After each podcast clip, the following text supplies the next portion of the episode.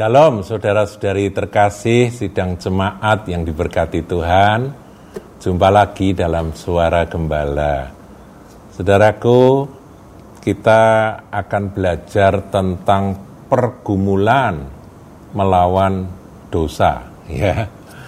Jadi kita ini sebagai anak-anak Tuhan setelah kita menjadi milik Kristus Roh Kudus bekerja dalam hidup kita, firman berbicara, itu pasti ada kerinduan kita untuk semakin hari semakin dikuduskan, ya kan?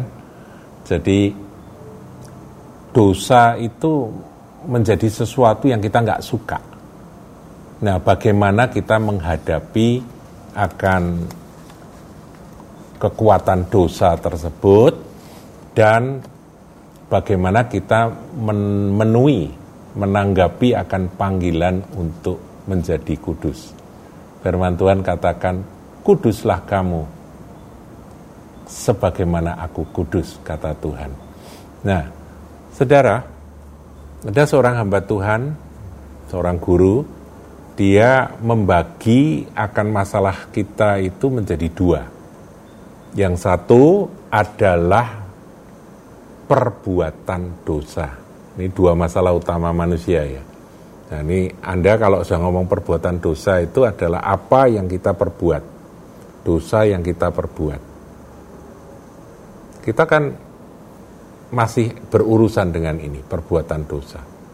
Dosa perkataan, dosa pikiran, dosa perbuatan, ya saudara. Tapi yang kedua adalah watak dosa tabiat dosa. Nah, nanti kita akan lihat bedanya, saudaraku ya. Nah, sekarang kita lihat perbuatan dosa dulu. Masalah perbuatan-perbuatan dosa kita itu bisa diselesaikan hanya dengan kuasa darah Yesus Kristus Tuhan yang telah mati menebus kita di atas kayu salib. Oleh darahnya kita disucikan.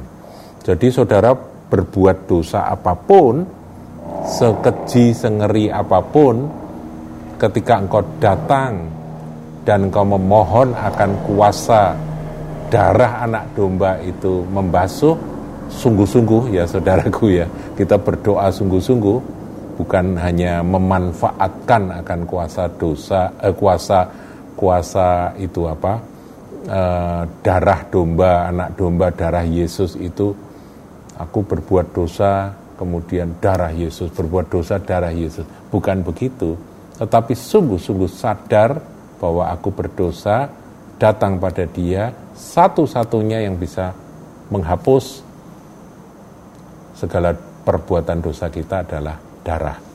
Ya, kita lihat di dalam Roma 5 ayat yang ke-9 dikatakan lebih-lebih karena kita sekarang telah dibenarkan oleh darahnya, kita pasti akan diselamatkan dari murka Allah. Jadi darah itu e, berkuasa untuk menutup segala dosa kita, ya menghapus di hadapan Allah, di hadapan Bapa. Nah itu e, darah Yesus. Jadi khasiat darah Yesus ada lagi dalam satu Yohanes 1 ayat 7b ini terkenal saudaraku ya. 7b ya. Dan darah Yesus anaknya itu menyucikan kita daripada segala dosa. Ini yang dimaksudkan adalah segala perbuatan dosa kita. Disucikan oleh darah Yesus. Nah sekarang saya akan masuk ke masalah yang kedua. Yaitu watak atau tabiat dosa. Ini beda, saudaraku. Kalau perbuatan dosa itu adalah apa yang sudah termanifest, apa yang sudah kita buat. Tetapi kalau watak itu potensialnya. Nah, kalau yang sudah diperbuat bisa dihapus dengan kuasa darah, maka watak ini cara mengatasinya atau menanggulanginya itu bukan dengan darah, saudara Bukan. Tapi dengan salib. Ya, jadi dengan salib.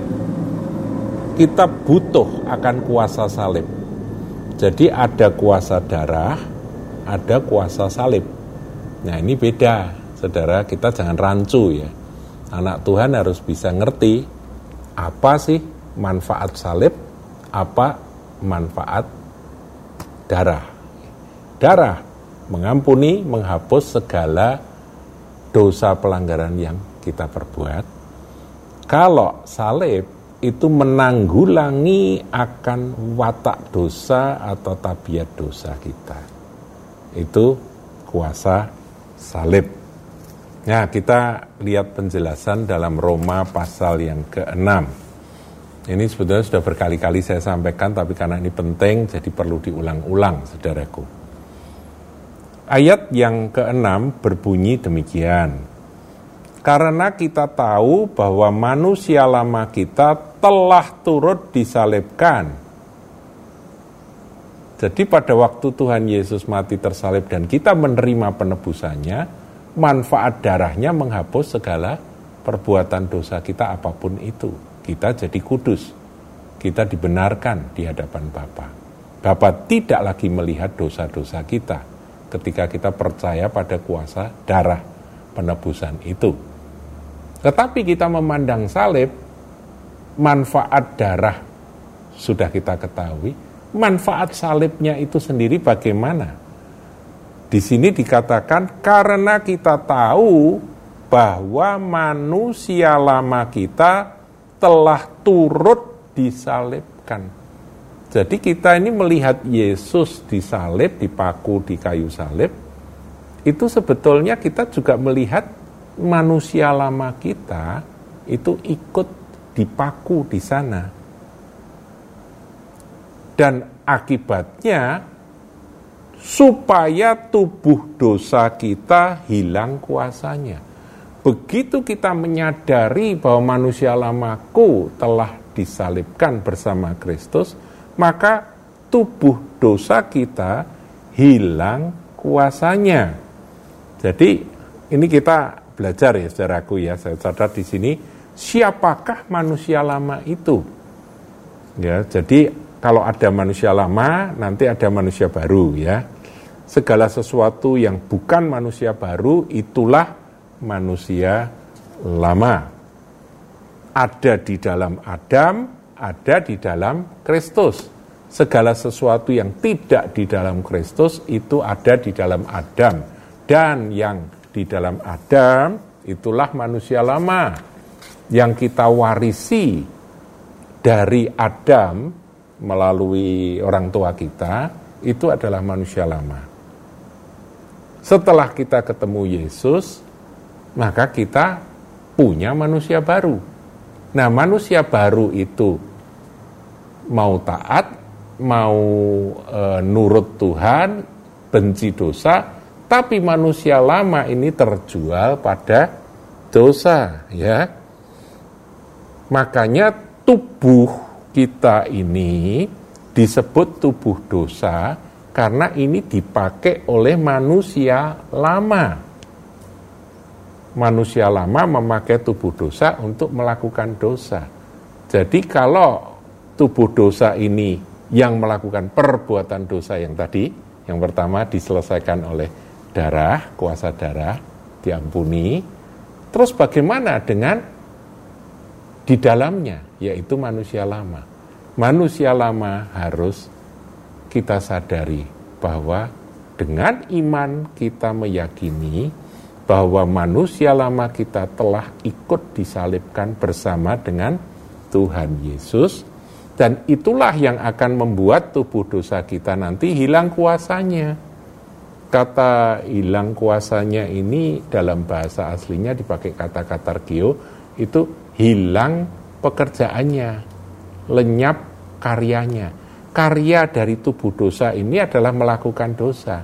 Tapi kalau manusia lama itu dengan iman kita sadari itu terpaku di kayu salib, maka tubuh ini hilang pekerjaannya. Yaitu pekerjaan berbuat dosa gitu ya agar jangan kita menghambakan diri lagi kepada dosa. Nah, kita lihat ya pergumulan Paulus, saudaraku ya. Paulus itu ahli ya dalam uh, mengupas tentang kuasa darah dan kuasa salib ini ya.